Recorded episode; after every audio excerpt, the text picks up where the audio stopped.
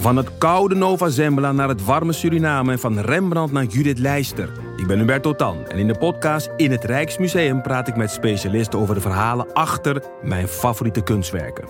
Nieuwsgierig? Beluister nu de nieuwe afleveringen. Bla bla bla bla bla bla. Bla bla bla bla. Idealen zijn prachtig, maar woorden verliezen betekenis als je niks doet. Dus laten we met z'n allen wat minder praten en meer doen. Bij Agmea zijn wij vast begonnen. Zo gaan wij voor minder verkeersslachtoffers, gezonde werknemers en duurzame woningen. Waar ga jij voor? Kijk op www.werkenbijagmea.nl. Dag lieve luisteraar, je bent afgestemd op Damn Honey.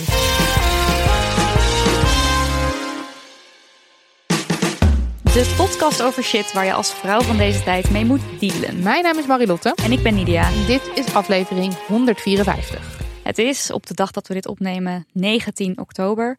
Twaalf dagen nadat er in Israël een aanslag werd gepleegd door Hamas. Ruim 1300 mensen werden vermoord en nog eens 200 mensen ontvoerd.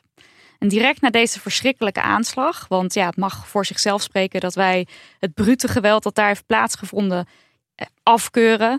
Dat we meeleven met slachtoffers en nabestaanden. En dat we geraakt zijn eh, door het leed. Ehm, dat direct na deze verschrikkelijke aanslag Israël van Nederland eh, en ook van de internationale gemeenschap de vrijbrief kreeg om zichzelf te verdedigen. Ja, Ehm, er werd door Frans Timmermans gesproken van willekeurig geweld. En er is deze week een motie aangenomen waarin het recht op zelfverdediging van Israël tegen het geweld van Hamas wordt benadrukt. Ehm, en daar staat in geschreven, en ik citeer, dat het humanitair oorlogsrecht en beginselen als proportionaliteit en eff- effectiviteit van groot belang zijn, maar dat naleving daarvan zeer bemoeilijkt wordt door het asymmetrische karakter van deze oorlog, inclusief het doelbewuste gebruik door Hamas van civiele objecten. En dat leest in mijn ogen een beetje als: ja, Israël moet zich houden aan het humanitair oorlogsrecht, maar Hamas maakt het ze wel heel moeilijk. Dus kijk maar even. En een maar is niet op zijn plaats als het gaat over humanitair oorlogsrecht. En Mark Rutte zei direct na de aanslagen dat we niet zo vaak hebben meegemaakt dat dit conflict zich richt op gewone mensen. En, en die gewone mensen waar Rutte het over had, dat zijn dan mensen waar menig witte Nederlander zich in eh, kon of kan herkennen. Dus dat, eh, dat zijn mensen dansend op een festival of met het hele gezin aan de ontbijttafel op zaterdagochtend. En, en dan de gruwelijkheden die zich daar afspeelden. En het is logisch dat we daar gevoelens van walging en afkeur en verdriet en rouw eh, bij hebben. En we willen dan ook maar meteen duidelijk maken: er moet ook ruimte zijn voor die gevoelens, want het is ook verschrikkelijk. Tegelijkertijd zijn er de verschrikkingen in de Gazastrook. Het leed dat de Palestijnen al jaren, vele tientallen jaren wordt aangedaan door Israël. Het zijn gruwelijkheden waar we gevoelloos voor zijn geworden, waar we gewend aan zijn geraakt. Ook daar worden mensen vermoord, kinderen vermoord. En ook daar is heel veel leed actief berokkend door de staat Israël. En die gewone mens waar Rutte het over had, die gewone mens, die wordt ook aan de Palestijnse kant geraakt. En zeker niet zelden. Maar waar wij als, als witte Nederlanders ons herkennen in de dansende festivalbezoeker en ons identificeren um, uh, met, de, met de mensen aan de ontbijttafel, daar identificeren we ons niet met de anonieme getallen. Want zo verschijnen de Palestijnse slachtoffers vaak in de krant. Uh, xx aantal doden gevallen, schrijven de kranten. Terwijl ze in Israël spreken over mensen die vermoord zijn en er een gezicht bij krijgen. En Palestijnen worden dus jaar in, jaar uit ontmenselijkt. Uh, ze worden beschreven als, uh, als beesten, beestenachtigen, of als uh, menselijke schilden. Wat per definitie betekent dat er doorheen gebroken moet worden. Zoals Samia Hafsawi zo treffend zei in Internet de podcast. en de Volkskrant spreekt over een leeggeveegd Gaza.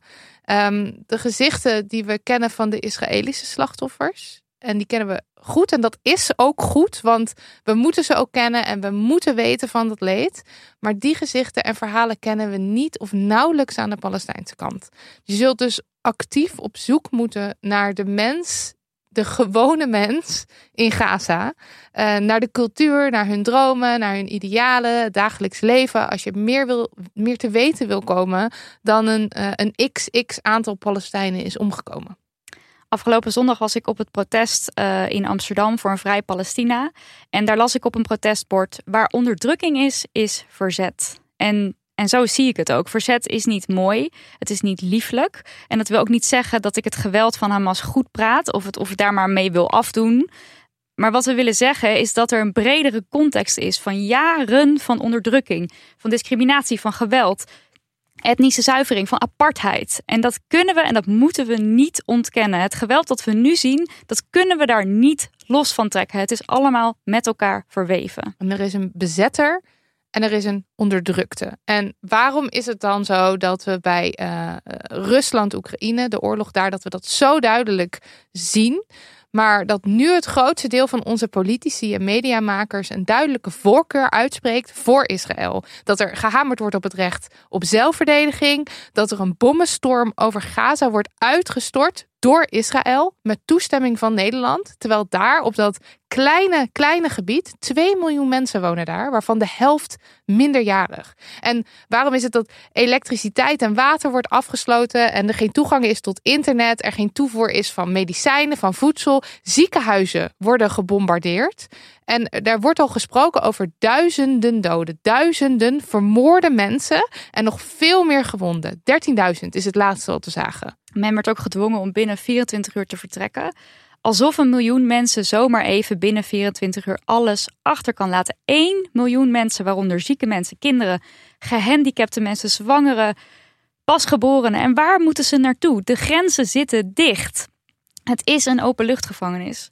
Israël maakt zich schuldig aan oorlogsmisdaden, aan schending van humanitaire rechten, mensenrechten. En daar hoef je geen discussie over te voeren. En het is ons een raadsel waarom de internationale gemeenschap dat niet unaniem veroordeelt en waarom de media zich er ook niet duidelijk over uitspreken. Wij voelen ons, ja, we voelen ons gegaslight de afgelopen dagen. Waar moeten we naartoe voor betrouwbare informatie? Waarom wordt, wordt propaganda van Israël zonder al te veel vragen aangenomen voor waarheid? Uh, terwijl de geschiedenis laat zien dat er vaker nepnieuws vanuit de Israëlische regering is verspreid, vanuit de IDF, Israel Defense Force. Waar is de context? Waar, waar zijn de kritische journalisten? Ja, die context hebben wij enorm gemist de afgelopen dagen. Um, en daarom, wij hopen dat we met deze aflevering een heel klein beetje verandering uh, brengen. Dankzij de gasten die we uh, hebben gesproken, die we mochten spreken, die met ons wilden spreken. En dat zijn uh, drie gasten, um, namelijk journalist Esha Guy Gajaj. promovendus aan de UvA en filosoof en schrijver Safa El Ghanouchi. En verloskundige en antropoloog Hanna de Klerk. En we belden met ze in vanuit Parijs, Rabat en Koog aan de Zaan. In de hoop die context die wij dus zo gemist hebben. En ik denk met ons velen, om die te bieden. Eh, dus deze Yes No aflevering zit eventjes net wat anders in elkaar dan jullie van ons gewend zijn. Uh, er komen dus ook andere mensen aan het woord. Oké, dan na deze ontzettend lange inleiding toch ook een leuk bericht. Zoals we de Yes No altijd openen. Een leuk bericht. Dat voelt raar. Het voelt raar. Uh, zoals je Lucas zich ook twijfelend hoort afvragen in onze nieuwe tune. Een leuk bericht. Leuk bericht? Ja, nou toch even een leuk bericht. Uh, of eerst een, uh, een leuke, belangrijke aankondiging. Namelijk de Carla Atsema Soroptimistprijs is weer aanstaande. Ja. En dat is leuk. Um, deze prijs is de journalistieke prijs voor de beste journalistieke productie over de positie, rechten of economische zelfstandigheid van vrouwen hele mond vol. Laat je daar vooral niet door afschrikken. Iedereen die dit onderwerp de afgelopen twee jaar met een publicatie op de kaart heeft weten te zetten, kan zich nomineren voor de prijs. En uh, dan kan het dus gaan om van alles. Ik wil graag even dat jullie dat weten. Het kan gaan om een vlog, om een artikel, om een film, om een podcastaflevering, een fotoreportage. Iets wat gemaakt is in de periode van 1 september 2021 tot en met 31 oktober 2023, waarmee de positie van vrouwen op de kaart wordt gezet. Ja, en wij hebben de vorige editie um, de enorme eer gehad dat we de aanmoedigingsprijs in ontvangst mochten nemen. Ja. Ook tot jouw grote schrik, want Echt. ik was er niet eens bij. En jij zat daar opeens en moest je ook een praatje houden. Vreselijk. En toen was er zeer terechte uh, kritiek dat de genomineerden zo wit waren. Ja. Dat het weer een erg beperkt perspectief was uh, wat uh, de mensen met zich meebrachten. En uh, nou, wij hebben daar toen ook contact over gehad met de Carla Atsema uh, Optimistprijs. En um, men moet zich voor zichzelf, aan, moet zelf, zichzelf aanmelden voor deze prijs. Ja. Dus we moeten ervoor zorgen dat heel veel verschillende mensen weten dat je je voor deze prijs kan aanmelden. En wij hadden het geluk dat we een paar mailtjes hadden gekregen, dus twee jaar geleden, van hey, je moet je hiervoor aanmelden. Maar wij hebben er toen dus helemaal niet aan gedacht om de oproep verder te verspreiden. Daar hadden we spijt van. Tot onze grote schaamte achteraf. Ja. Waarom hebben we dat niet gedaan? Hebben we ons toen ook in de podcast wel afgevraagd. Maar dus bij deze spread the word. En we willen ook nog even benadrukken. Vul het formulier in als je iets gemaakt hebt. Denk niet ik. Nee joh, wie ben ik om mezelf op te geven? Nee, geef jezelf op. Vraag om hulp als je die kunt gebruiken. En denk niet nee, dit is niks voor mij. Dit is te hoog gegrepen. Of, of laat je niet afschrikken door het lange formulier. Doe het. Ja, en mocht je nou zelf niet in aanmerking komen, maar wel iemand kennen die in aanmerking komt, of waarvan je denkt, nou die moet die prijs echt winnen, je favoriete journalist, je lievelingspodcastmaker, eh, documentairemaker, fotografen, spoor die mensen aan. Want echt, eh, wij hadden meerdere berichtjes, berichtjes nodig om eindelijk dat formulier in te vullen. Ja. Dus doe dat. Want hoe, vaker mensen erop gewezen worden en weten dat die prijs bestaat, hoe meer de, groter de kans is dat er gewoon een grote diversiteit aan mensen zichzelf aanmeldt Ja. voor. En eh, eh, ja, nou ja, trek, trek ze allemaal, help ze waar nodig. De hoofdprijs. Ja, 25.000 euro. I know. Publieksprijs 5000 euro. Aanmoedigingsprijs 2500 euro. Nou, dat zijn lekkere Dat je bedragen, mensen. En daar kan je gewoon de, ook weer de wereld mee veranderen. Nou, over twee weken op 31 oktober 2023 sluit de inschrijving. Dat is snel. Denk niet, ik heb nog alle tijd. Denk niet, ik doe dat even snel in een kwartiertje tijdens de lunch. Want het kost ook echt even tijd. Ga er alsjeblieft voor zitten. Vul dat formulier in. Als je dit hoort en je denkt, ik wil dat, maar ik vind het ook spannend of moeilijk. Stuur ons een mail. We willen je graag helpen. Laat niks je tegenhouden en pak die prijs. Het. Ja.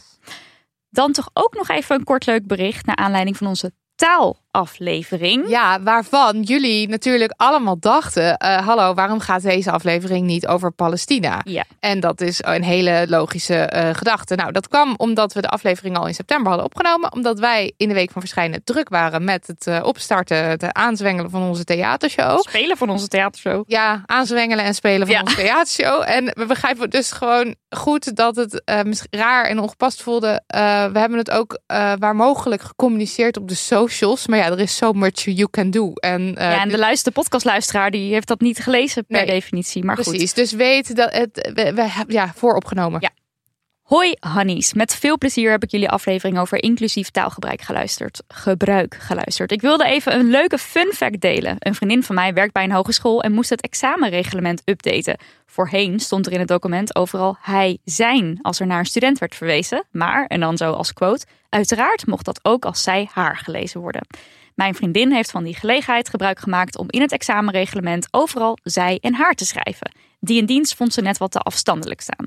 En voor in het document staat dat hier ook elke andere gewenste aanspreekvorm gelezen kan worden. Ik vind het een mooie kleine daad van verzet om de mannelijke norm eens te doorbreken. Groetjes, Johanne. Ja.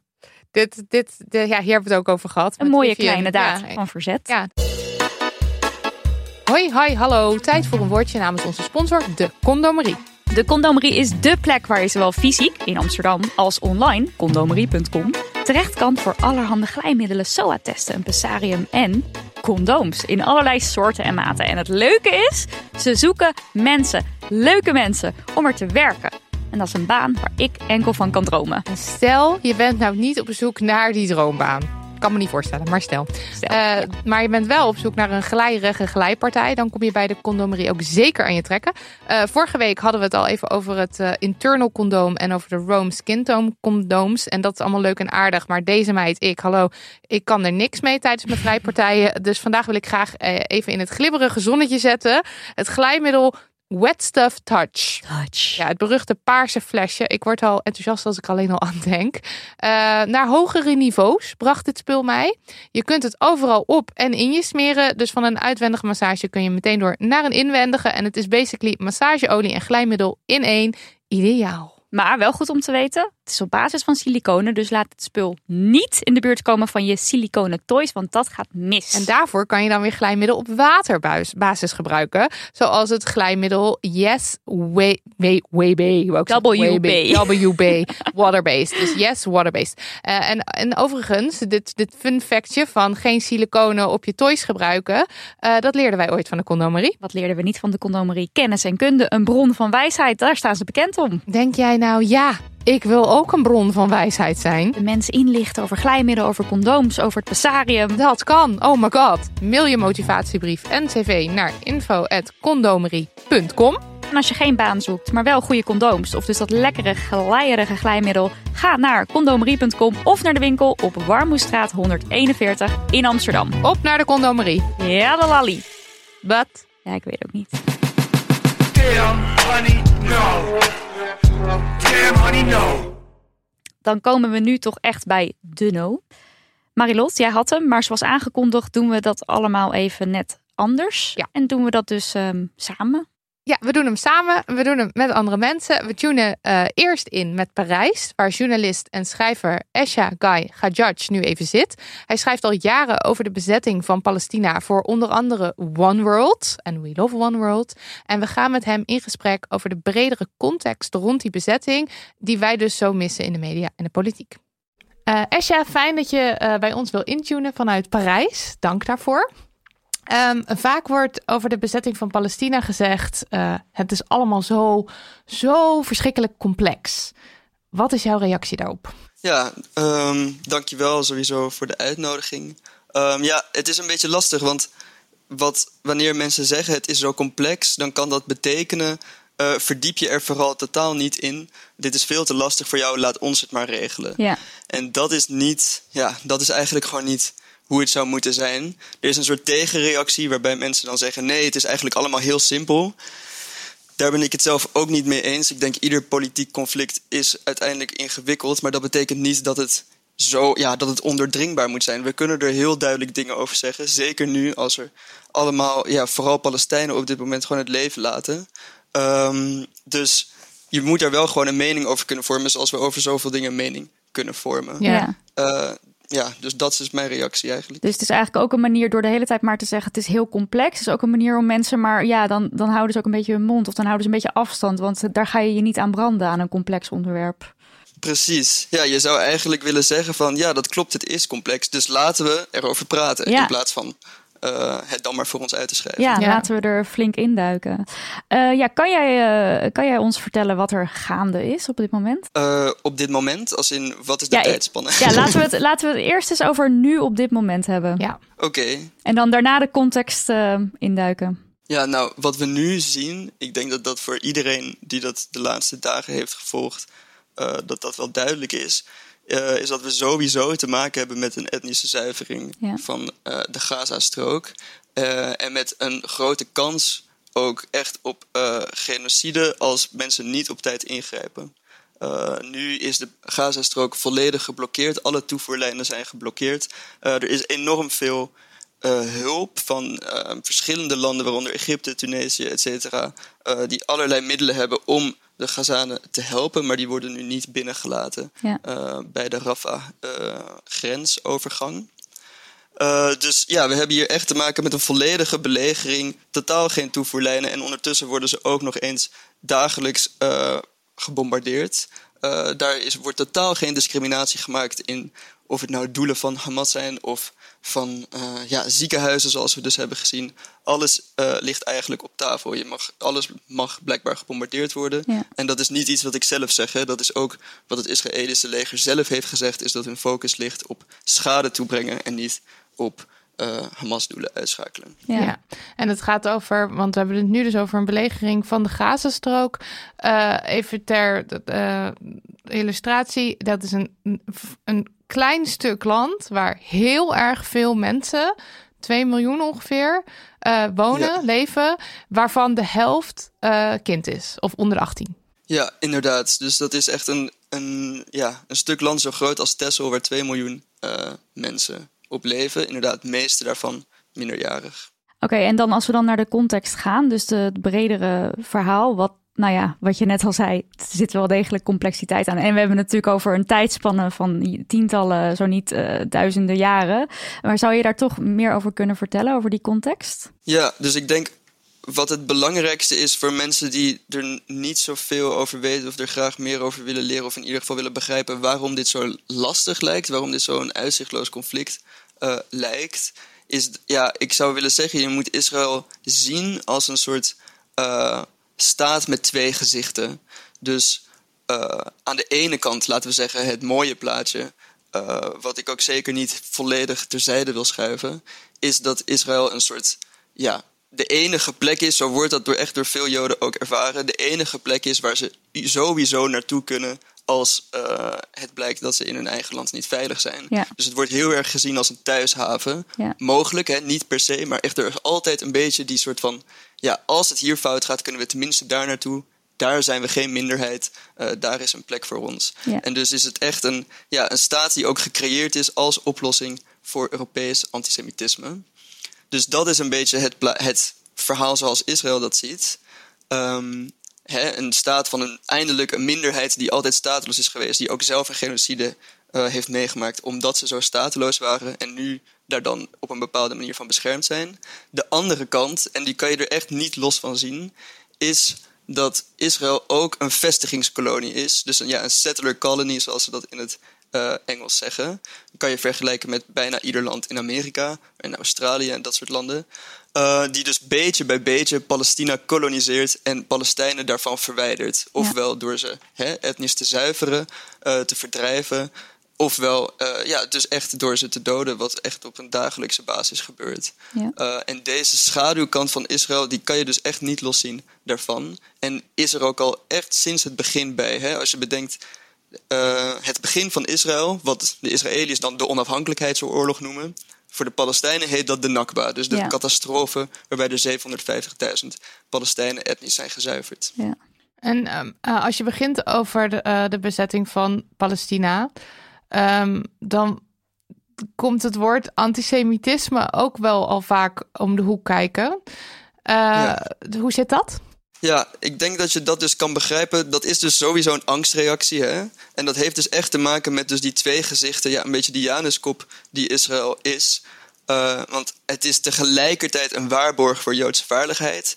En de vernietiging van Palestijnen. Ja. Dus zodra mensen die Palestijnse kant dan toch proberen te belichten. Ja. Omdat die twee zo verknoopt zijn. Zien mensen dat al snel als een aanval op Joodse veiligheid. Ja. Ja. En het is dan ook van belang om dat onderscheid te maken tussen de staat Israël of het land Israël, waar heftige kritiek op terechte heftige kri- kritiek op komt, versus eh, eh, je uitspreken tegen Joden. Want dat is natuurlijk niet wat hier, dat is niet het gesprek wat wij hier nu zitten te voeren aan deze tafel. Precies. Ja. En het is ook, hè, er zit ook een, nou ja, jullie zien dat nu, we zien dat nu eh, überhaupt deze week, dat dan leuzes als eh, Palestina vrij van de rivier tot de zee, hè, Ja. dat dat dan als antisemitisch wordt gezien. Ja. Eh, daar zit dus ook het, de soort angstreactie van, oh ja, maar als Palestina vrij is van eh, de rivier tot de zee, dan betekent dat dat alle Joden doodgaan.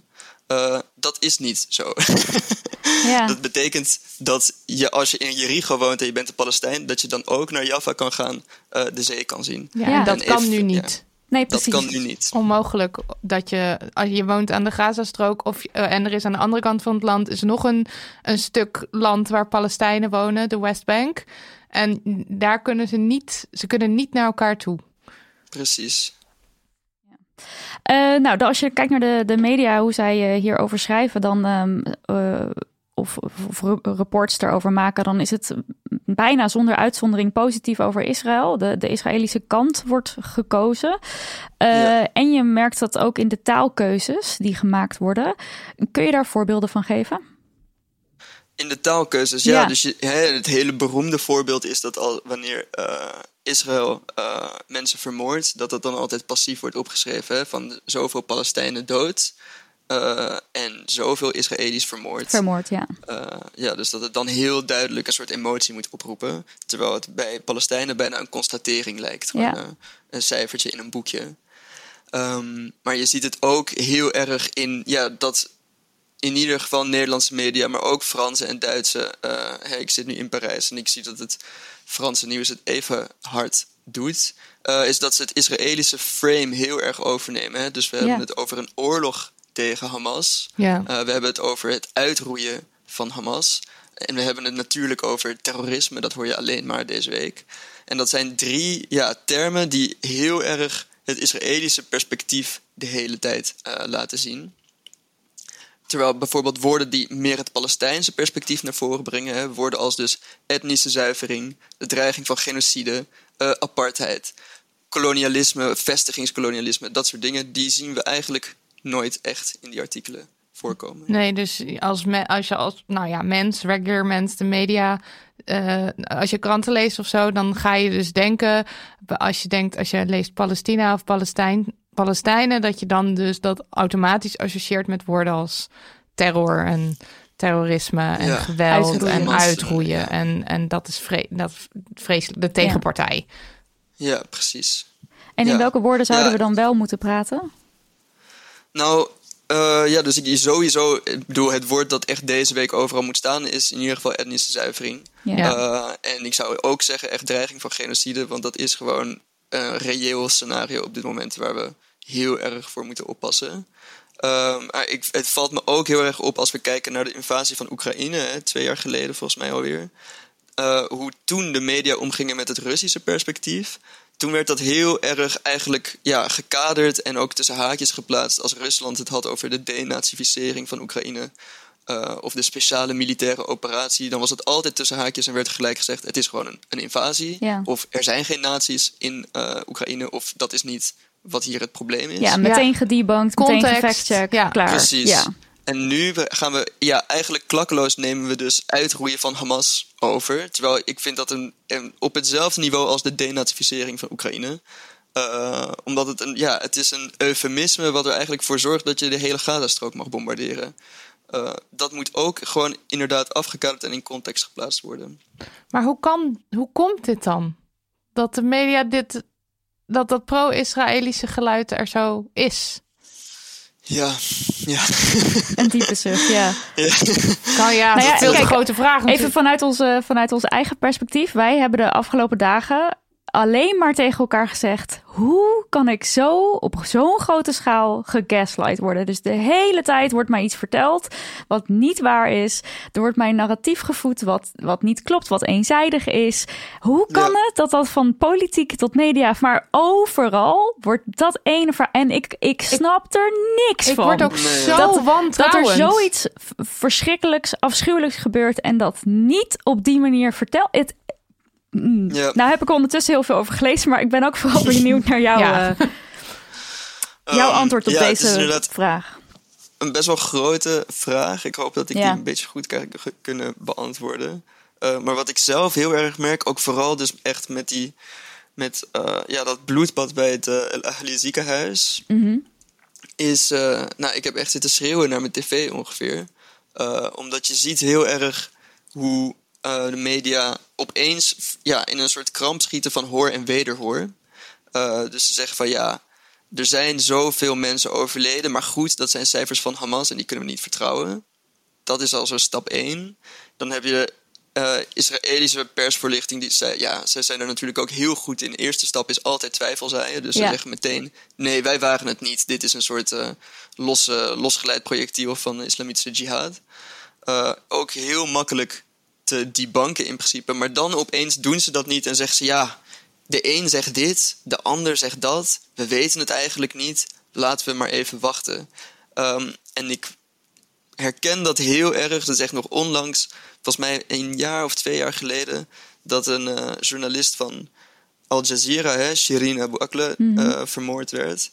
En dat is eigenlijk precies hetzelfde hoe ze toen te werk zijn gegaan. Er waren echt duidelijke videobeelden. Mensen hadden in twee dagen al eh, duidelijk bewezen dat zij opzettelijk was neergeschoten door een Israëlische eh, sniper, sluipschutter.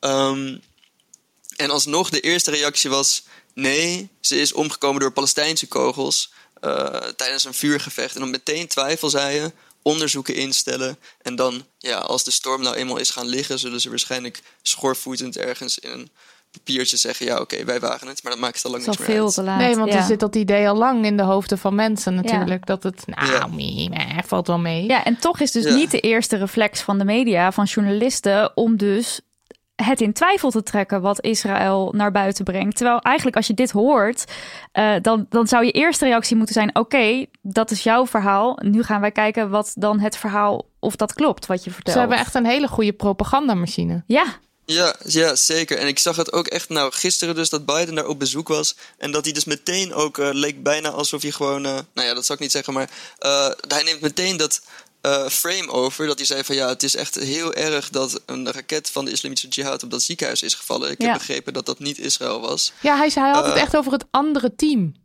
Ja, het andere team inderdaad. Dat is natuurlijk, hoe kan dat nou? Hoe kan dat nu weer gebeuren dat meteen dat wordt overgenomen? Eh, en dat er niet dan zelfs, hè, zelfs als we dit echt zo was en dat het echt een raket was van islamitische jihad, wat ik niet geloof, maar zelfs als zouden we dat aannemen, dan alsnog moet je erbij zeggen, waarom schoten ze die af? Weet je zo, dat Ja. komt omdat de Gaza volledig plat gebombardeerd wordt, omdat iedereen compleet wanhopig is. Ja. Zo, Ja, want we hebben het nou echt over vijf à 6.000 eh bommen eh, in, in een superkorte tijd, hè? Ja, in een week. Ja, In we zijn week. er al lang overheen. Ja, ja. Om, om maar even. En nogmaals, het is een klein gebied ter grootte van ongeveer twee keer Texel. eh, is wat mensen nu eh, in de Nederlandse media Ja. gebruiken om het een beetje eh, ja, context te geven. Ehm, ja, en. En we hebben, dan, we hebben dan te maken met soorten eh, geopolitieke machtsverhoudingen. Of, of toch dit. Want het is niet voor niks dat Joe Biden dit meteen Nee. zegt. Dat hij in dat vliegtuig stapt. Dat komt ergens nee, vandaan. inderdaad. Zeker. Ja, de, de banden tussen, tussen Amerika en Israël die zijn eh, ondertussen erg bekend. Ja. Ook berucht. Ehm, want eh, ja, ze gebruiken elkaar heel erg. Ja, ze vullen elkaar heel goed aan eigenlijk. Hè. Amerika is een eh, imperialistisch land. Die, die wil eigenlijk een beetje zijn grip op de wereld behouden. En Israël is daar een hele belangrijke speler in. Omdat het, ja, je kan het bijna een soort 51ste staat bijna noemen. eh, maar dan in het Midden-Oosten. Ja. Eh, waar het constant, ja, het heeft een heel goed leger, het heeft een geweldige inlichtingendienst. eh, en dat is natuurlijk allemaal perfect voor Amerika, die ook grip op dat gebied wil houden, maar eigenlijk te ver weg ligt. Dus dan heb je zo, ja, dat kun je dan echt zien als een, nou goed, hoe noem je dat nou? Een, een uitvalsbasis bijna. Ja. Hm. Ehm, als in, het is natuurlijk niet Israël is een eigen land en er is ook wel conflict tussen de twee af en toe, maar ze eh, gebruiken elkaar heel erg. Ja, het is een manier voor de VS om ook invloed uit te oefenen daar in dat gebied. Precies. En Israël weet ook donders goed dat ze eh, de VS nodig hebben om te kunnen blijven doen wat ze aan het doen zijn. Ja, en maar eh, kijk, dit, dit, dit is bekend. I mean, je zei- jij hebt er ook een heel goed stuk over geschreven. Over de belangen van eh, eh, Israël en VS en ook Europa. Eh, juist dan zou je denken dat de media zoiets hebben van: hé, hey, wacht, hier zijn wel belangen aan de hand. Laten we alles goed Kritisch. checken en kritisch zijn en debunken. En zeggen Ja. dat de, de dingen niet kloppen of niet zo makkelijk. Maar dat is dus niet wat er gebeurt. Nee, Nee, dat gebeurt niet. Ja. Nee, nou. Ja, het is gewoon. The het, end. het is voor ja, het is ja van een. Het is, het is een bizar. Ja, en Ja. het is een bizar soort iets eh, waar je tegenop zit te vechten.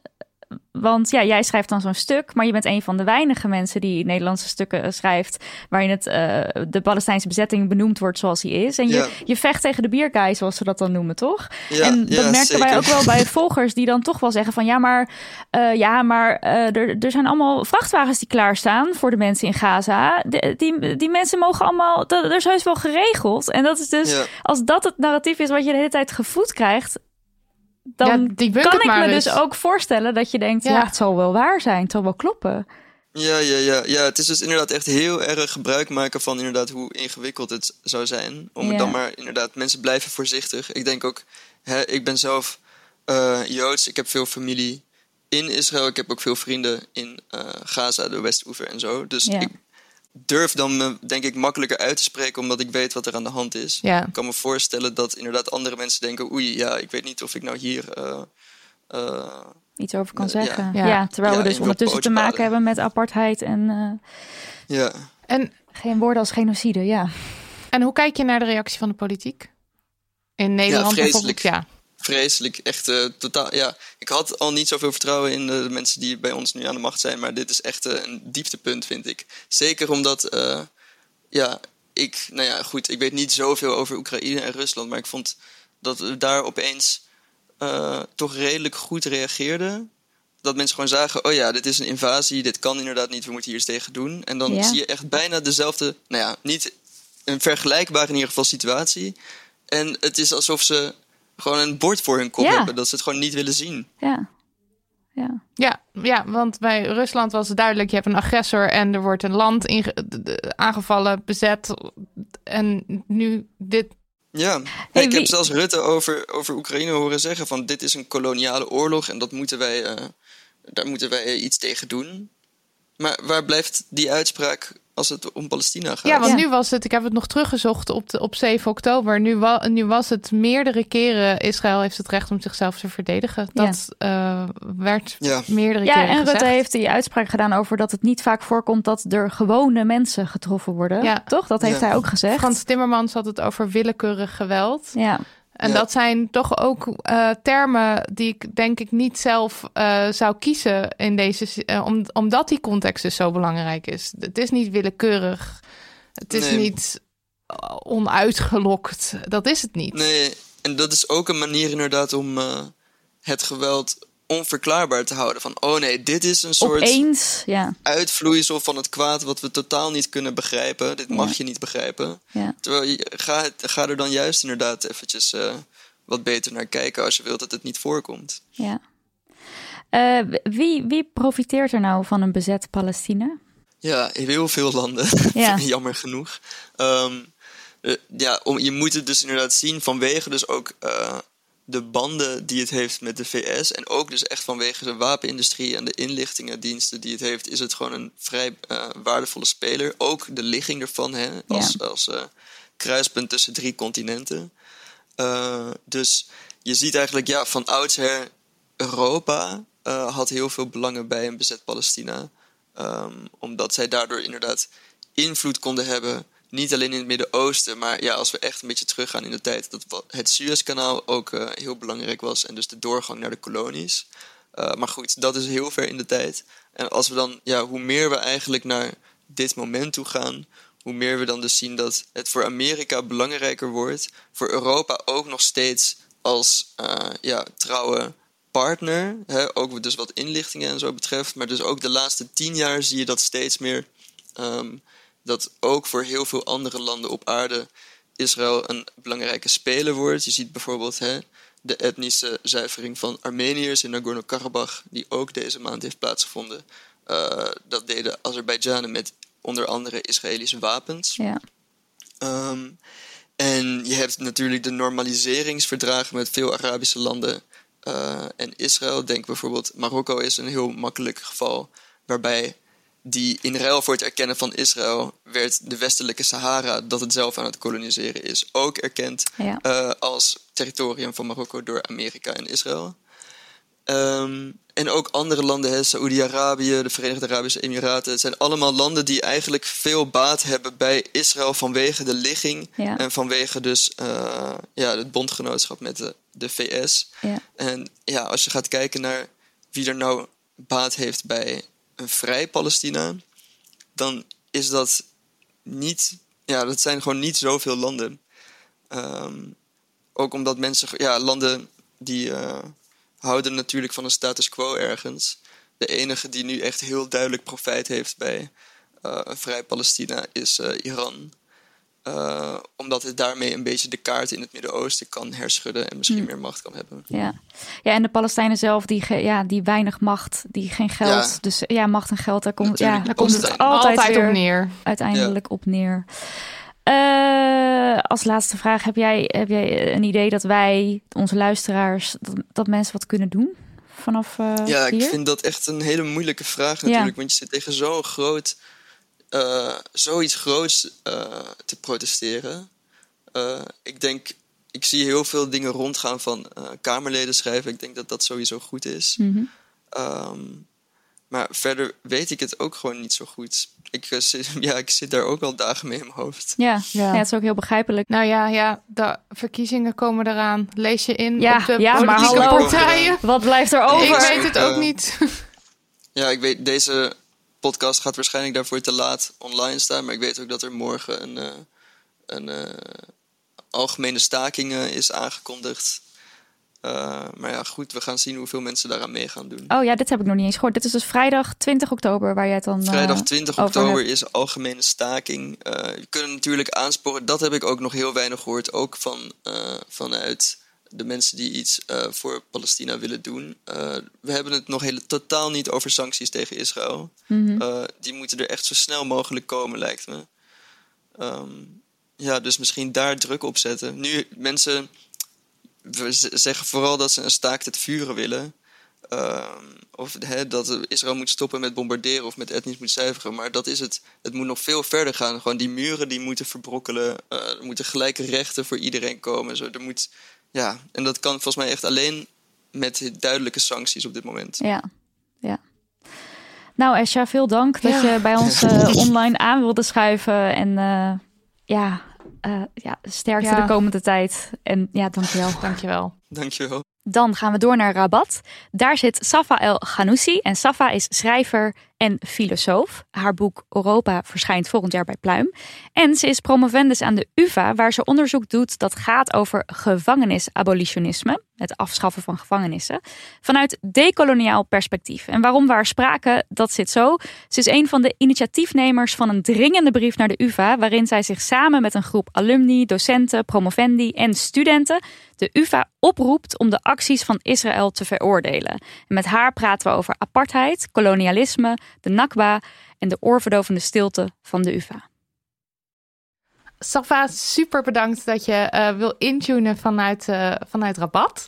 Ehm, we duiken het gesprek meteen in.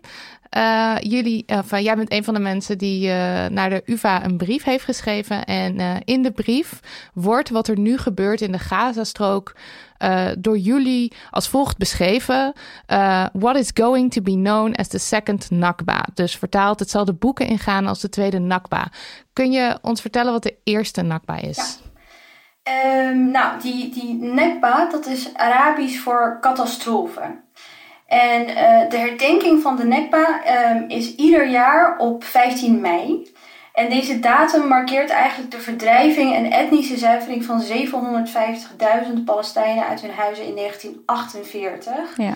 Eh, dat is de dag na het einde van het koloniale Britse mandaat. En de oprichting van Israël op ongeveer 80% van het Palestijnse land. Ehm, dus de herdenking is altijd op 15 mei. Maar het is belangrijk om te benadrukken dat de etnische zuivering van Palestina, die Nekba dus, al lang begon voor de oorlog van 1948. En voordat ook maar één gewone Arabische soldaat voet zette in Palestina. Ehm, dat is denk ik belangrijk om te begrijpen, omdat er ten onrechte wordt beweerd dat die Nekba of die catastrofe een bijproduct was van de Arabische oorlog tegen de jonge Israëlische staat. Dus voordat, voor, voor die gebeurtenissen waarbij 750.000 Palestijnen werden verdreven, ehm, waren al 300.000 Palestijnen op de vlucht. En was er al een, sprake van een etnische zuivering. Dus je moet die Nekba begrijpen in een bredere context. En het was een heel proces. Het was niet alleen één specifiek moment eh, bij de oprichting van de Israëlische staat. Ja. En als je dan spreekt van etnische zuivering, kan je dat toelichten? Ja, de etnische zuivering heeft met land te maken. Ehm, en het gaat om een bepaalde populatie die dat land bewoont. En bij een etnische zuivering is er sprake van het verdrijven van die populatie met een militaire campagne. Ja. Dus je zorgt ervoor dat die populatie niet meer op dat land kan blijven. Je onteigent ze en je zorgt er ook voor dat ze niet meer terug kunnen komen. En dat is heel belangrijk. Dus de terugkeer is niet meer mogelijk bij een etnische zuivering. Mhm. En wie was, want eh, dan is het door de militaire campagne, wie, wie was die militaire campagne? Ja, dus ehm, de Israëlische staat ehm, die, ehm, die zette een, een, een heleboel campagnes op, militaire campagnes, om eh, die etnische zuivering uit te voeren en die Palestijnen te verdrijven uit het territorium dat de Israëlische staat wilde eh inlijven. Het ging hierbij om zionistische groepen. Dus mensen die, Zionisten, dat zijn mensen die geloven dat er een, uh, een etno-religieuze staat zou moeten zijn Mhm. uh, voor de Joodse gemeenschap. Ja. Ja, dus die Zionisten, dus de, die, die militaire acties die werden uitgevoerd, die gewapende Zionistische groeperingen En, op ja. Palestijns gebied. Ja, en het is, dan, het is dan belangrijk om Zionisten en Joden niet één op één gelijk aan elkaar te trekken als we dit Exact, gesprek voeren. Precies. Dit is cruciaal. Dit Ja. is echt een cruciaal punt. Uh, we hebben. Uh, organisaties, fantastische, kritische, decoloniale organisaties als Jewish Voice for Peace. Dit zijn Joden die stellen dat de Israëlische staat uh, enorme misdaden begaat tegen de Palestijnse bevolking. Mhm. En zij zijn tegen dat de Zionistische ideologie. Zij zijn anti-Zionistisch. Er Ja. zijn een heleboel Joodse personen die anti-Zionistisch zijn. Ja, dus als je je uitspreekt tegen de onderdrukking van Palestina, betekent dat niet dat je je uitspreekt tegen het Joodse volk. Nee, absoluut niet. Sterker nog, sommige, eh, er zijn mensen die eh, zelfs stellen dat, ehm, dat pro-Israël zijn, of dat Zionistische soms ook een antisemitisch element heeft, juist. En dat maakt dingen nog wat complexer, omdat eh, vooral vanuit religieus Amerikaanse hoek vaak eh, wordt gepleit en is gepleit, historisch gezien, voor een Zionistische staat om eigenlijk eh, van die Joodse personen af te komen. En ervoor te zorgen dat ze hier niet blijven, maar ze mogen hun eigen staat en dan, en dan kunnen ze Oh. daarheen. Oh. Ja, ja, ja, ja, ja. Dus als, nou ga daar dan maar lekker met z'n allen zitten. Dan hebben wij geen last. Dit ja. zeg ik met de grootste aanhalingstekens en walging uiteraard. Ja, Eh, Oké, dan heb je dus Ja. die nekba gehad, die etnische zuivering, waarbij zoveel Palestijnen eh, ja, weg moesten uit hun, eh, eh, uit hun eigen land, uit hun eigen grondgebied. Of Ja. hoe zeg ik dit? Ehm, hoe, hoe zag het er daarna dan uit, dit gebied? Nou ja, dit gebied dat werd eh, eigenlijk compleet ehm, eh, gerekend onder de Israëlische staat. En wat er gebeurde, eh, was dat er kampen, vluchtelingenkampen werden opgezet. Mhm. Ehm, en dat proces is lang geweest. Ehm, eh, en je, je zag eigenlijk de geleidelijke uitbreiding van het Israëlische territorium. En natuurlijk de oorlog in 1967. Die heeft geleid tot, eh, tot eh, de, de belegering van de Westbank. Mhm. En tegelijkertijd ook Gaza. Niet de belegering waar we het nu over hebben van 16 jaar natuurlijk. Ehm, maar wat je ziet is dat dat territorium gemilitariseerd is en uitgebreid is. Ja. Ja, dus Israël heeft steeds meer land genomen en Palestijnen hebben- hebben steeds minder land. En hoe, onder, hoe uit zich in de afgelopen tientallen jaren die, eh, die, die bezetting, die onderdrukking, hoe is het leven voor Palestijnse mensen?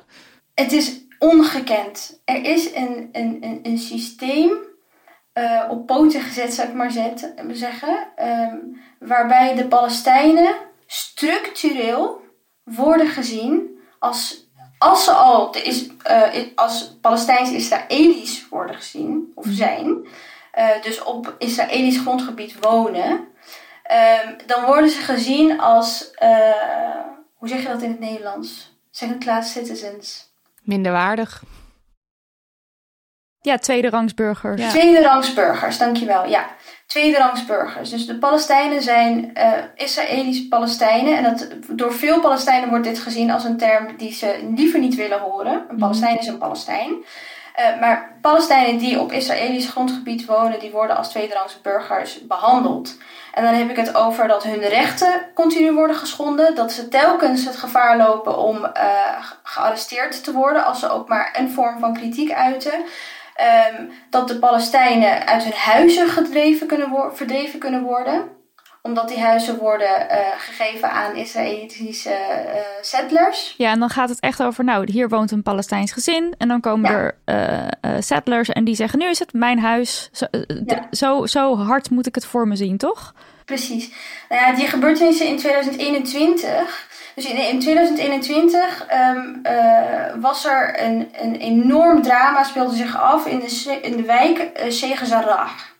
En het is een wijk die bezet wordt in Oost-Jeruzalem. Ehm, en, en, en, en wat er gebeurde, ehm, was dat de Palestijnse families in ehm, die protesteerden eigenlijk tegen het plan van Israël om, met, om hen met geweld uit hun huizen te zetten en om plaats te maken voor Joodse kolonisten. Mhm. En veel van die Palestijnen die in deze wijk wonen zijn families die tijdens de Nekba zijn verdreven. Oh ja, En sinds ja. Israël in 1967 Oost-Jeruzalem en de rest van de westelijke Jordaan-oever bezetten, zijn die Palestijnen in Sheikh Jarrah voortdurend het doelwit geweest van Israëlische autoriteiten. Die discriminerende wetten gebruiken. En het is heel belangrijk, die discriminerende wetten gebruiken om Palestijnse of Palestijnen systematisch hun land en huizen te ontnemen, Ten gunste dus van Joodse Israëliërs. Ja. dus ze worden generatie op generatie worden ze dus verdreven van uit hun land, uit hun huis. En Ja. eh, jij zegt discriminerende wetten, kan je dan spreken van apartheid? Zeker. Ehm, dus die term apartheid die is heel erg belangrijk. Ehm, en dat is, eh, die is ook belangrijk om te benoemen binnen een groter verhaal van kolonialisme. Ja. Daar kunnen we het misschien ook zo meteen even Ja. over hebben. Die, die term apartheid die werd oorspronkelijk gebruikt om te verwijzen naar een politiek systeem in Zuid-Afrika. Ja. En dat politieke systeem dwong en versterkte expliciet rassenscheiding en de overheersing en onderdrukking van de ene raciale groep door de andere Ja. af. En ehm, op dit moment wordt het door de internationale gemeenschap gebruikt om dergelijke systemen eh, en praktijken te veroordelen en te criminalise- criminaliseren. Waar ook ter wereld. Ja. Waar ook ter wereld. Ja. Ehm, dus als je apartheid wil begrijpen, dan is het een systeem van langdurige en wrede discriminatie. Door een raciale groep van leden van een andere raciale groep. Met de bedoeling om de tweede raciale groep te controleren en, en, en, eh, en, en eh, te onderdrukken. En het is belangrijk om te benadrukken dat apartheid is een misdaad tegen de menselijkheid. Ja. En als je dit eh, apartheid concreet wil maken, ehm, zeg maar als het gaat over het leven van Palestijnse mensen, hoe, hoe, hoe uit, uitzicht dat? Want dat is dan bijvoorbeeld, je wordt gewoon uit je huis gezet. Omdat, ondanks je woont daar, maar je hebt dus geen rechten. Je bent een tweederangs burger. En in de wet staat dan dus ook dat dat mag. Ja. Ja. Nou ja, wat in de wet staat, dat is heel belangrijk ook om, te, om, om, eh, om daar rekening mee te houden. Ehm, er is een wet. Er zijn praktijken die volgens de wet zijn. En er zijn praktijken die naast de wet, dus extra legal praktijken, die worden uitgevoerd door de Israëlische staat. En dat maakt soms dat het lastig is om, ehm, om een uitsluitend juridisch oordeel te vellen over wat er gebeurt. Dat is denk ik eh, belangrijk om te onthouden. Dus het is niet zozeer dat het alleen maar in de wet staat. Er gebeuren ook dingen die niet wettelijk zijn vastgelegd, maar die daarmee niet minder schadelijk zijn. Maar waarvan juridisch niet te zeggen is van hé, hey, jullie, jullie doen dit of jullie zeggen dit. Ja, En dat, is, dat zien we in veel koloniale systemen, hè? systemen van onderdrukking. Koloniale regimes die gebruiken de wet eigenlijk voor zichzelf en tegen de ander. Ja. En dat is een grillige manier om met die wet om te gaan en eigenlijk als een soort ge- gereedschap, als een, als een techniek te gebruiken om je onderdrukking te kunnen legitimeren. Ja, dus jij zegt, eh, of jij zegt, dat er, er is dus sprake van apartheid. Er is ook sprake van kolonialisme als we het hebben over Israël, Palestina. Ja. Precies. Hey, en Gaza, daar, ehm, daarvan zeggen mensen ook, het is een soort uh, ja, uh, Openluchtgevangenis. ja, openluchtgevangenis. Dus daar kan je niet uit. Nee, de grenzen zijn dicht. Ja. En um, dat, het blijkt maar weer dat je daar niet uit kan en dat het echt een openluchtgevangenis is. Want mensen worden op dit moment met zware campagnes gebombardeerd. Ja. Die mensen willen vluchten. Er zijn mensen bij de grenzen aan het wachten totdat die grenzen open gaan om weg te gaan. Ze kunnen niet weg. Ze kunnen ja. nergens heen. Ze zijn totaal omsingeld. Ja. Totaal omsingeld. En het is ongekend om te zien dat, uh, dat er wordt gezegd: jullie moeten het land verlaten, jullie moeten dit gebied verlaten. Maar waar moeten mensen heen? Waar moeten mensen heen? Als je dit zo hoort, dan kan je niet. Tenminste, kijk, mijn reactie daarop is: dit is niet oké. Uh, waarom kan dit? Dit is tegen, uh, tegen wetten, dit is tegen rechten. Um, en toch hoor je in de politiek. Israël dit, dat heeft het recht zich te verdedigen. Hoe zouden we in de, in de media en politiek, hoe, hoe zouden we het moeten noemen? Het is uh, wat mij betreft, en ik denk dat veel uh, mensen die tegen kolonialisme zijn en voor de bevrijding van Palestina zijn, het is wat mij betreft een contradictie om te zeggen dat Israël zichzelf het recht heeft om zich te verdedigen. En het is een contradictie omdat Israël per definitie de agressor is. Ja. Dus eigenlijk als je zegt Israël heeft het recht om zich te verdedigen, zeg je Israël heeft het recht om aan te vallen. Ja. En dat is ja, dat is, dat, dat is essentieel hieraan. Het is ongelooflijk dat linkse partijen als GroenLinks Ja. en de PvdA Ja. voor motie stemmen Ja. Voor om, om, om, te, om te zeggen, om erachter te staan dat Israël het recht heeft om zich te verdedigen. Dat is ongekend. Ja, en dit is, dit is deze week, afgelopen dagen is dat gebeurd. Dat ze voor een motie hebben gestemd waarin ze expliciet zeggen... Israël heeft het recht op zelfverdediging. En we erkennen ook dat, eh, dat het lastig is voor ze om je aan het humanitaire recht te houden. Dus Ja. kijk maar even. Dat, zo las ik het. En je kunt, dat, je kunt daarin ook een soort carte blanche eh, lezen. Ja. Ja, een soort vrijbrief.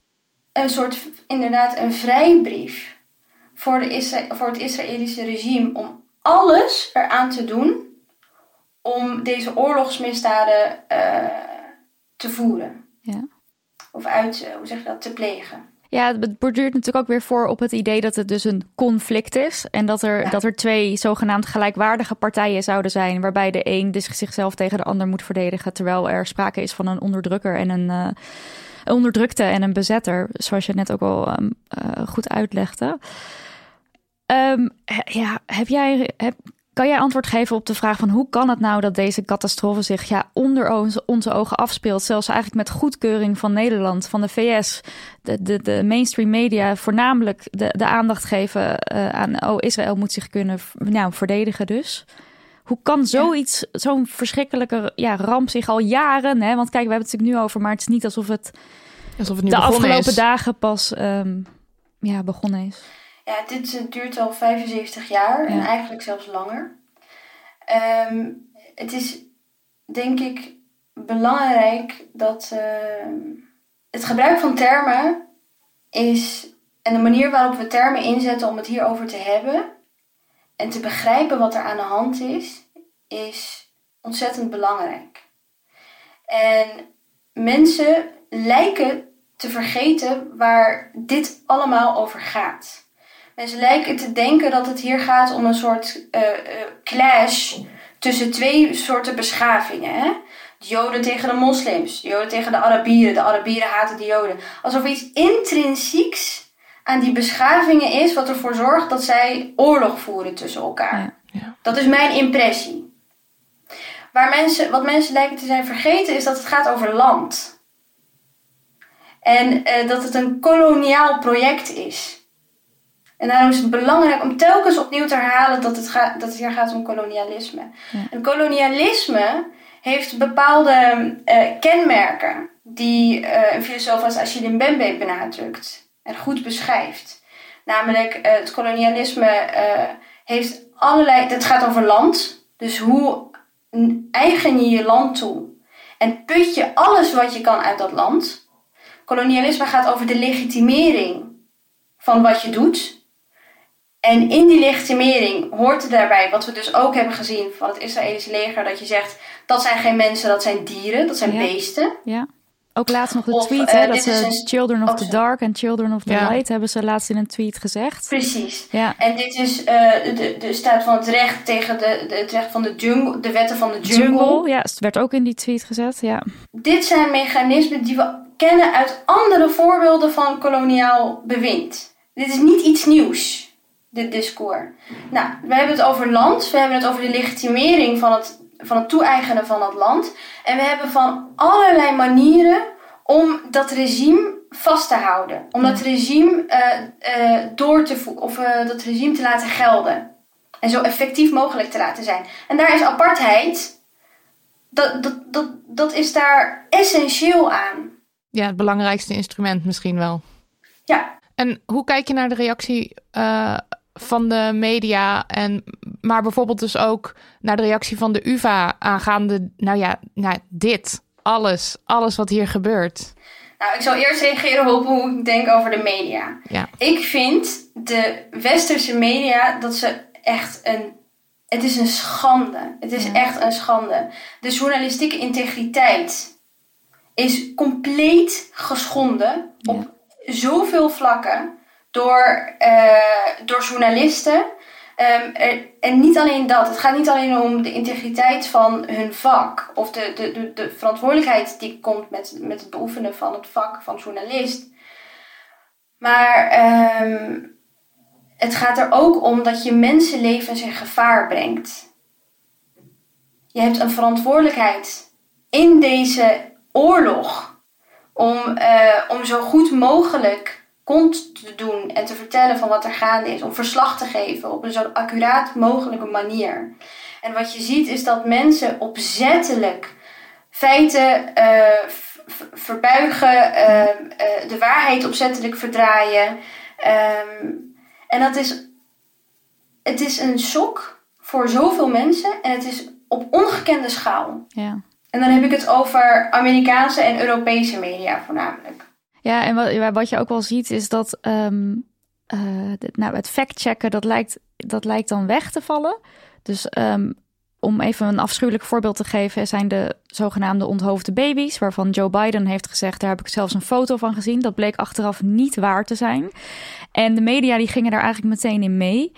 Ehm, terwijl als er dan als er wordt gesproken over een ziekenhuis dat getroffen is door een raket, dan is het wel, nou ja, we weten, we weten. Dus daar willen ze dan op het moment dat het misschien Israël zou kunnen zijn, dan zijn ze opeens wel heel terughoudend en zijn ze wel van, we hebben de feiten nog niet op tafel. Dus er wordt keer op keer een, een kant gekozen voor Israël, wat het voor mensen die het, ja, die dit, ik moet niet zeggen het conflict, maar die, die, die, ja, eigenlijk niet veel weten over Palestina of Israël, die je, je kan bijna niet anders dan denken: oh ja, Israël zal wel de goede zijn. Want dat is wat je de hele tijd van iedereen eh, te horen krijgt. Inderdaad, het is, eh, het is een zorgelijke dubbele standaard. Ja, Ja. en het is ja, alsof je massaal gegaslight wordt. De he nou ja, Ja, dit we gaan wij- het hier met Esha ook. eh, Ja.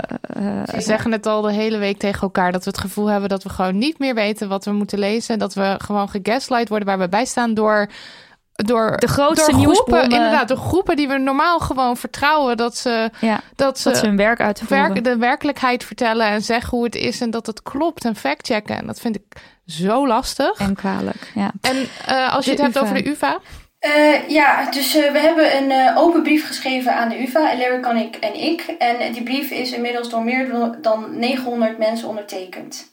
Eh, dit zijn eh, alumni, eh, studenten en docenten aan de Universiteit van Amsterdam. En in die brief vragen we onder andere aan de UvA om zich te houden aan de, de, haar verantwoordelijkheid voor academische onafhankelijkheid. Dus zich niet te scharen tegen de autoriteiten, zich niet te scharen achter de Europese Unie en de Verenigde Staten en te zeggen. Eh, en, en te zwijgen over de ongelofelijke catastrofe die zich nu afspeelt. Maar juist de, stellingname te nemen en, en, en, en, en, eh, en zich uit te spreken over de tragedie die zich afspeelt nu in Gaza. Ehm, we hebben ook eh, een ander punt dat we, dat, we, dat we in de brief noemen, is dat de UvA ontzettend veel geld aanneemt en ontzettend veel projecten eh, heeft over decoloniale theorie. En de, dat zijn decoloniale projecten. En wat ons heeft gechoqueerd is dat op het moment dat letterlijk de hel uitbrak, dat niemand zich durfde uit te spreken. En ik zeg expres durven, want er werd wel over gesproken. Maar we hoorden van collega's, van studenten, dat ze het niet durfden, dat ze, dat ze geen stellingname durfden te nemen uit angst voor repercussies vanuit de UvA. ja. De UvA heeft ook niet gefacili- gefaciliteerd om teach-ins te organiseren. Om mensen te, eh, eh, te, te, te onderwijzen over dit onderwerp. Precies om wat jullie zeggen. Hè? Als er in de media niet goed verslag wordt gedaan van wat er gebeurt in Gaza, wat, er in- met, wat de geschiedenis van Palestina is, wat, wat de geschiedenis van deze oorlog is, dan, eh, dan moeten we op een andere manier de informatie aan mensen kunnen geven. En dat is, eh, lijkt me, eh, de, universiteit lijkt me een goede plek om dat te doen. Ja, Er ja. zit ook zoveel kennis. Dus Ja, ja, inderdaad. Ik vond dat een hele rake quote van eh, een van jouw mede-initiatiefnemers, Ellery Connick, vandaag in Volkskrant. Eh, wij hebben allerlei wetenschappers in huis die weten wat genocide is, wat een bezetting is, wat oorlogs, oorlogsmisdaden zijn. We kijken nu live naar beelden daarvan uit Gaza en toch klinkt er een oorverdovende stilte vanuit de universiteit. Het is natuurlijk hallucinant. Laat ik er eens een woord in gooien. Hallucinant. Dat is, dat is bizar. 100 procent. Ja. Wat, uh, welke informatie of kennis zou er volgens jou door de media of door een instituut als de UvA echt gedeeld moeten worden in jouw ogen? Allereerst um, zouden de mensen die hier experts of experts zijn op dit gebied, zouden meer ruimte moeten krijgen om dat te doen. En er moet een veilige sfeer, een veilig klimaat worden gecreëerd. En ik bedoel echt veilig. Mhm. Om uh, hun kennis met ons te delen. Het geldt voor de UvA, maar het geldt ook voor de media. En dan heb je het over mensen die gespecialiseerd zijn op thema's zoals apartheid of kolonialisme. Apartheid, de geschiedenis van Palestina, ja. uh, de, de, de relatie tussen Israël en Palestina, uh, genocide, ehm, eh, conflict, Midden-Oosten. Dit zijn mensen die zich al jaren en jaren bezighouden met deze onderwerpen. Geef ze alsjeblieft uh, een podium. Geef ze alsjeblieft uh, de kans om hun kennis te delen. Want het is nodig. Ja. En het is het juiste om te doen. Het is niet alleen nodig, het is ook het juiste om te doen. Dus sta achter je academische integriteit. Sta achter waar, waar, je, waar je zelf voor zegt te staan. Zeg maar. Ja. En is er uh, iets wat wij of wat de luisteraars zouden kunnen doen het ja. is zo groot. Ja, ja yes. dat is altijd fijn om Concrete te horen. dingen. 100%. Er worden nu op sociale media worden er een heleboel um, uh, posts geplaatst over, in, over websites, over bronnen die je kan raadplegen om je meer te informeren over de situatie. Over de geschiedenis van uh, het koloniale bewind van Israël en over het Palestijnse verzet daartegen. Dat ten eerste. Dus informeer jezelf. Ten tweede, praat met mensen erover. Praat onderling. Heb gesprekken. En daarbij gaat het niet, om, uh, niet alleen om wie heeft er gelijk en wie niet, maar ook wat voel je erbij. Um, uh, wat gaat er in je om? Het, het, dit maakt zo ongelooflijk veel in mensen los. En we moeten op een constructieve manier hierover kunnen praten. Derde is organiseer je. Ik krijg nadat. we hebben gisteren een artikel gehad in het Parool over de brief. Vandaag in de Volkskrant. Nou, vandaag of, en, en nu praat ik met jullie. Um, uh, en ik krijg een, continu mails van mensen aan andere onderzoeksinstituten. Die vragen van wat, hoe hebben jullie deze brief opgesteld en wat kunnen wij doen om ons te organiseren. Uh, dit zou dan, uh, dit zou denk ik de belangrijkste ja. punten ja. zijn. En dat ja. het op die manier als een inktvlek zich verspreidt en dat iedereen zich uitspreekt en actie onderneemt. 100 procent. En ja. het, het maakt niet uit hoeveel volgers je hebt. Het maakt niet uit. Uh, uh, je hoeft geen expert te zijn op dit gebied. Er zijn al experts die je, waarvan, je, uh, waar je, waar je, van, waarvan je kunt leren. Um, spreek je uit en durf dat. En elk individu kan bijdragen hieraan. Dankjewel, Safa. Helemaal ja. vanuit Rabat. Dankjewel. In Dermany. Dankjewel. Jullie bedankt. Een laatste kort gesprek voeren we met verloskundige en antropoloog Hanna de Klerk. En vanuit haar rol als verloskundige doet zij samen met een grote groep andere zorgverleners een oproep aan de Nederlandse regering om de humanitaire catastrofe in Gaza te stoppen. Ja, en voor de zorgverleners die luisteren, je kunt de oproep zelf ook tekenen. Je vindt hem in de show notes en dat is dermany.nl slash aflevering streepje 154. En dan gaan we nu naar Hanna. Aangeschoven bij ons nu in de digitale studio is Hanna de Klerk. Laten we ook hier meteen erin duiken. Uh, wat, wat is de staat van de zorg nu in Palestina? Ongelooflijk slecht, uh, uiteraard. Um, ik, er zijn, de problemen stapelen zich eigenlijk op in de zorg. Je hebt natuurlijk ten eerste te maken met een enorme uh, aanvoer van, van gewonden um, ja, door, de bombardementen. Um, nou ja, daarvoor zou, zou er binnen de Gaza eigenlijk normaal gezien al te weinig capaciteit zijn om al die mensen op te vangen.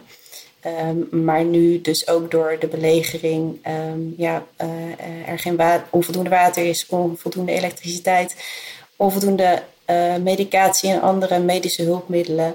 Um, ja, komen uh, artsen en andere zorgverleners natuurlijk voor onmogelijke keuzes te staan wie ze wel of niet kunnen behandelen. Ja, en er zijn ook ziekenhuizen gebombardeerd? Ja, meerdere. meerdere. We hebben natuurlijk uh, sinds gisteren uh, ja, het grote uh, bombardement gezien in Gaza-stad. Um, maar er zijn minstens al 15 ziekenhuizen gebombardeerd. nog veel meer andere zorginstellingen. al minstens 23 ambulances zijn getroffen tijdens de bombardementen. Um, ja, Dus dat is, uh, dat is schandalig. En we hebben natuurlijk ook de oproepen, de, de, nou oproepen, hoe moet ik het zeggen, dat mensen de gebieden moeten verlaten. Maar dan heb je natuurlijk ook te maken met bijvoorbeeld patiënten of met ja, kwetsbare mensen, gehandicapte mensen, oude mensen.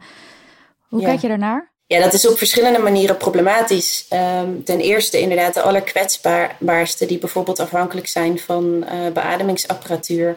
Uh, ja, die, die zijn eigenlijk niet te verplaatsen. Voor sommigen betekent verplaatsing simpelweg de dood. Ja. Um, dat, dat vereist hoogtechnologische ambulances en dergelijke die gewoon niet, niet beschikbaar zijn. Ja. Um, überhaupt is er onvoldoende transportmogelijkheid om mensen op een humane manier te vervoeren. Want uh, als je gewond bent en uh, veel pijn hebt, mogelijk ook onvoldoende pijnstillingsmiddelen. En dan op transport gaan op uh, ja, mogelijk ook onbegaanbare wegen. Ja, dat, dat kan niet. Ja, en ook de vraag waarheen dan? Ja. Ik bedoel, het is niet dat, dat er dan daar een ziekenhuis ja. klaar staat met alle technische hoogstandjes van, oh, maar als we daar zijn, dan is het goed en, en veilig. de grenzen zijn dicht, het is helemaal niet... Exact, exact. Dat is ja. het grootste probleem. Waar ga je vervolgens naartoe? Ja. En um, nou is er een groep waar ik in eerste instantie niet meteen aan dacht. Uh, en dat zijn de, de zwangere mensen. Ja. Om hoeveel mensen gaat dat? Ja, dat is een grote groep um, in Gaza. Er zijn uh, geschat ongeveer 50.000 zwangeren. Um, 5500 daarvan moeten deze maand ook bevallen. Ja. Uh, dat komt dus neer op ongeveer 116 uh, zwangeren per dag. Ja. Um, ja. Nu gaan bevallingen gelukkig meestal goed. Um, alleen op het moment dat er een complicatie ontstaat tijdens een bevalling, kan dat heel snel heel ernstig aflopen. En zowel voor de moeder als, uh, als voor het kind. Ja. ja, en hoogzwanger moeten vluchten, dat is ja. Het, ja, ik heb er niet eens woorden voor. Nee, want als het, ook als het wel goed gaat, dan ben je dus onderweg. Ja. Ja, ja, precies ook dat. Het is, het, is, het is niet humaan. Waar moet je naartoe om te bevallen? Er zitten 90 mensen in één huis in het zuiden van Gaza. Hoe ga je de privacy vinden die je nodig hebt? Uh, buiten ook eigenlijk de medische hulp die je nodig hebt. Ja, ja en waar herstel je? En... Ja, zeker. En ook uh, ja, als er onvoldoende water is, onvoldoende voedsel is. Uh, hoe komt die borstvoeding goed op gang? Ja. ja, ja, kan je je kind vervolgens verzorgen? Um, de hygiëne is heel belangrijk bij pasgeboren kinderen. Ja. ja dat, daar is natuurlijk ook geen sprake van in dit soort omstandigheden. Ja. Dus ja, de, de, de, verwachting is dat de moedersterfte en de kindersterfte ook ja, plotseling erg zal stijgen.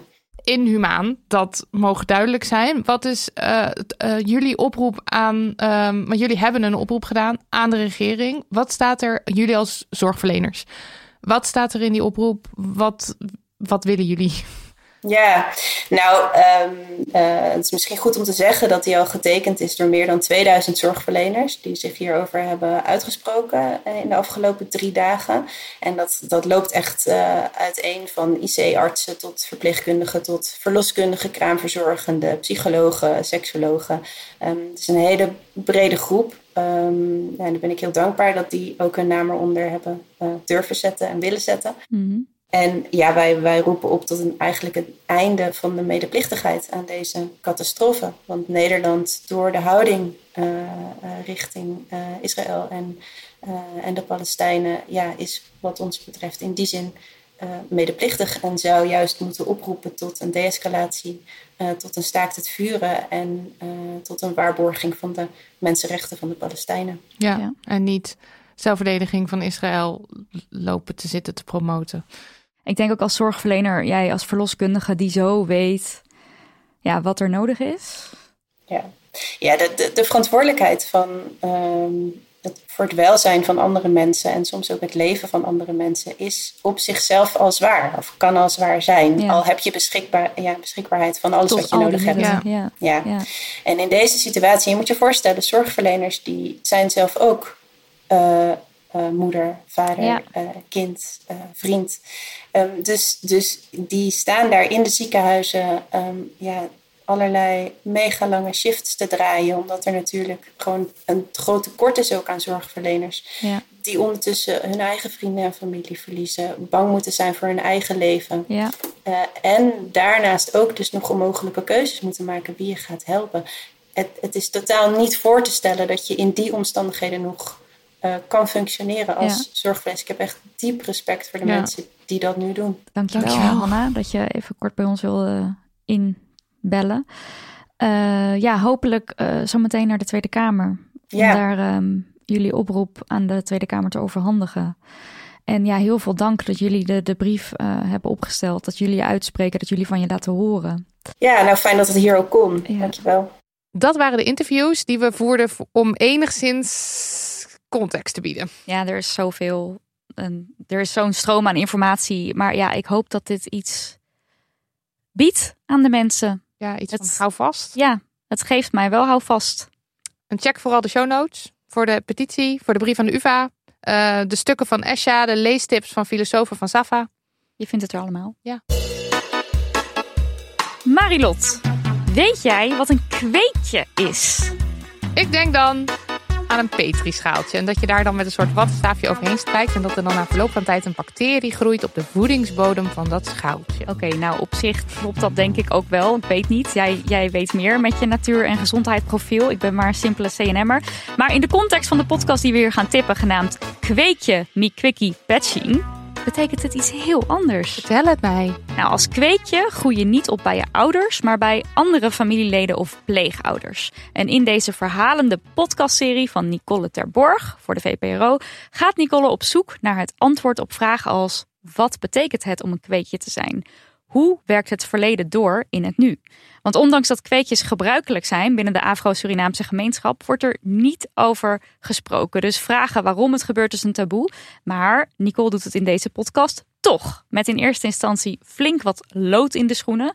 Eh, toch wat angst voor familieleden, voor, voor, voor kritiek of het gevoel dat je, dat je een zeur bent. Dat hield haar allemaal al die tijd tegen. Maar ze gaat het dus alsnog aan. Ja, Ja, en ze graaft in het verleden, praat met haar familie dan toch eindelijk over een kweekje zijn. En dat levert interessante en mooie gesprekken op. Die ze heeft verwerkt in deze zesdelige podcastserie over opvoeding, migratie, ontworteling en het koloniaal verleden. ja, wij hebben de eerste aflevering al mogen luisteren en we kijken uit naar de rest. Kweekje Mi Kwiki Patchin van Nicole Terborg voor de VPRO. Vanaf zaterdag 4 november te beluisteren via alle podcastplatforms. En vanaf 5 november te luisteren bij OVT, Onvoltooid Verleden Tijd, op NPO Radio 1. Weet je. Damn, honey, yes. Damn, damn, honey, yes. Damn, honey, yes. Damn, damn, honey, yes.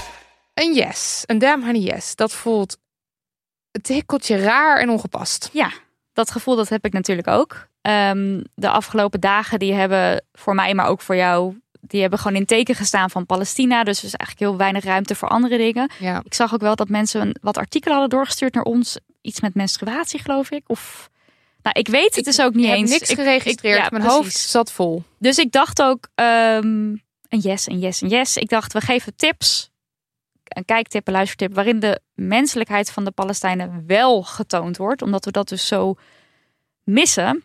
Eh, en dan wil ik beginnen met de laatste aflevering van Internetten de podcast. Ja. Letterlijk de laatste Echt aflevering. erg. Schandalig. Ja. Ja, we gaan Marieke, Samja en Timo echt missen in het podcastlandschap. Eh, en ook in deze aflevering gaven ze weer de nodige achtergrond, context, feiten, factchecks, die we gewoon heel goed kunnen gebruiken. Eh, en deze aflevering ging dus over Palestina. Marieke die vertelt eh, meer over de verspreiding van fake news. Ze geeft ook enkele voorbeelden van fake news die de afgelopen tijd voorbij zijn gekomen. En Samja die houdt een, ja, een, een prachtig pleidooi dat we de Palestijnen niet mogen vergeten. Nooit mogen vergeten. Eh, dus ja, luister die aflevering eh, voor nog meer context. Ja. Of luister hem twee keer of drie keer. Ja. En dan eh, een aflevering van het programma Parts Unknown. Een oude aflevering. Ehm, dat programma werd gemaakt door de Amerikaanse tv-kok Anthony Bourdain voor de CNN. En het gaat om aflevering 2 van seizoen 2. En die is gemaakt in 2013. Je kunt er een groot deel eh, van op YouTube bekijken. Dat heb ik gedaan. Ik geloof dat de hele aflevering langer duurt. Maar je krijgt een echt goede indruk. En eh, Anthony Bourdain reist in deze aflevering naar Gaza. Ehm, je ziet hem dus ook die strenge grensenovergang van Israël naar Gaza overgaan. Prikkeldraad, echt een surrealistische omgeving. En in Gaza, nou ja, dompelt hij zich onder in het dagelijks leven. Gaat in Ja. gesprek met mensen, eet bij gezinnen, eh, dompelt zich onder in de, de cultuur. En eh, daarna, na het maken van deze aflevering, heeft hij de wereld ook beschuldigd van wegkijken en van het Ja. ontmenselijken van de Palestijnen. Eh, en ondertussen zijn we dus weer eh, tien jaar verder. Ja. Ehm, Ik las ook dat hij hard heeft moeten vechten om dit überhaupt op tv te krijgen. ja, de CNN wilde het in eerste instantie niet. Ja. Dus juist daarom gaat kijken. Het is echt, het is belangrijk. En het is, ja, het is gewoon een heel mooi kijkje in dat dagelijks leven door het. Ik link je in de show notes uiteraard. Nou, als afsluiter eh, wil ik dan graag een fragment laten horen wat gisteren hard bij mij binnenkwam. Het is verdrietig, het is prachtig, het is raak. Misschien heb je het ook al lang gehoord. Ik hoop eigenlijk dat iedereen het al lang gehoord heeft. Het is een van de weinige momenten waarop ik de mens achter de Palestijn zag of hoorde in de mainstream media. Eh, het fragment komt uit talkshow Galit en Sofie van 18 oktober. En aan het woord is schrijver en acteur Ramsi Nasser. Alle gijzelaars, alle doden uit Israël en Europa hebben hun namen gekregen. Hun familieleden en vrienden zijn gehoord hier op tv, in de krant. Hun levens, dromen, idealen zijn ons bekend voor altijd. En ik vind dat terecht. Wel heb ik een vraag. Hebben Palestijnse levens eenzelfde waarde voor ons? Kennen wij ook de namen van hun dode baby's, hun vernederde grootouders en vermoorde kinderen? Kennen wij hun individuele dromen, vrienden, schoolrapporten? Palestijnse levens worden doorgaans per aantal genoemd. 48 doden, 1200 gewonden. Geen namen, maar nummers. En dit geeft aan hoe wij ons mededogen verdelen. Want ook Palestijnen worden levend verbrand. Ook Palestijnse dorpen kennen pogroms, uitgevoerd door Israëli's. Palestijnse kinderen worden gemarteld, zitten jaren gevangen zonder aanklacht of hulp. En dit gebeurt generatie op generatie, al meer dan 75 jaar. En misschien zijn we daardoor immuun geworden. Het zijn voor ons geen mensen, het is verzameld leed. Houd het dan nooit op. Maar voor mij is het familie. En ook ik denk, houd het dan nooit op. Alleen heb ik het over de blinde steun aan een voor mij overduidelijk systeem van apartheid en etnische zuivering. Premier Rutte zei na de Hamas-aanslagen: We hebben niet zo heel vaak meegemaakt dat dit conflict zich richt op heel gewone mensen. Kennelijk ziet hij Palestijnen niet als gewone mensen. Maar ze zijn er. Wij bestaan. Het piepkleine Gaza telt 2,2 miljoen inwoners. Bijna de helft van hen is nog een kind. Van alle kinderen in Gaza is 80% gediagnosticeerd als depressief. Vragen wij ons ooit af wat zij dromen? Israël zegt tegen 2 miljoen wanhopige burgers dat ze in één dag allemaal naar het zuiden moeten gaan. Zo gezegd voor hun veiligheid. En daarna bombardeert Israël deze vluchtelingen in het zuiden. Israël geeft hele ziekenhuizen de tip te verkassen omdat het noorden zal worden weggevaagd. Maar hoe? Hoe kunnen zieken en gewonden, gekluisterd aan medische apparatuur, weg uit de ziekenhuizen?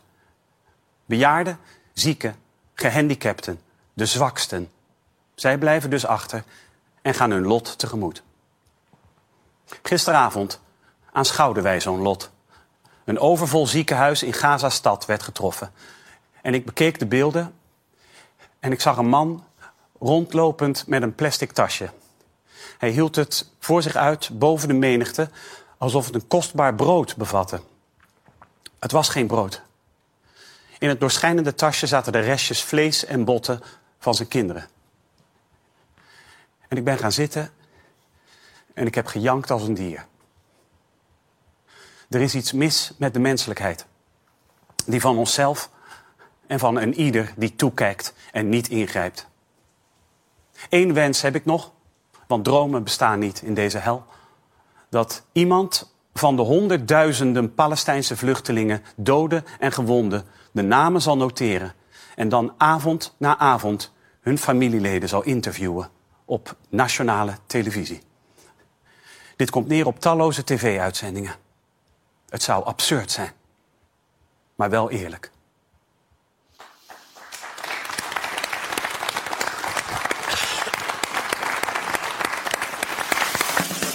Dit was aflevering 154. Heel veel dank aan Esha, aan Safa, aan Hanna. Show notes vind je op delmoney.nl slash aflevering 154. En in de loop van de week verschijnt daar ook het transcript. Lucas de Gier, bedankt voor de nieuwe tunes. Lisbeth Smit, ook bedankt voor, nou ja, gewoon hè, de website. En nog even extra bedankt Daniel van de Poppen en Spraakmaker Media. Want zonder jullie was het niet gelukt om drie verschillende mensen in drie verschillende landen aan het woord te laten in deze aflevering. Bedankt lieve transcripteurs Marleen, Marlou, Marloes, Elise, FQ, Shura, Barbara, Joan, Fenna, Sabine, Meike, Dirk, Laura, Lisanne, Rivka, Sabine en Hanna. En dit was hem voor deze week. Tune volgende week in voor weer een nieuwe aflevering. Of niet. Zelf weten.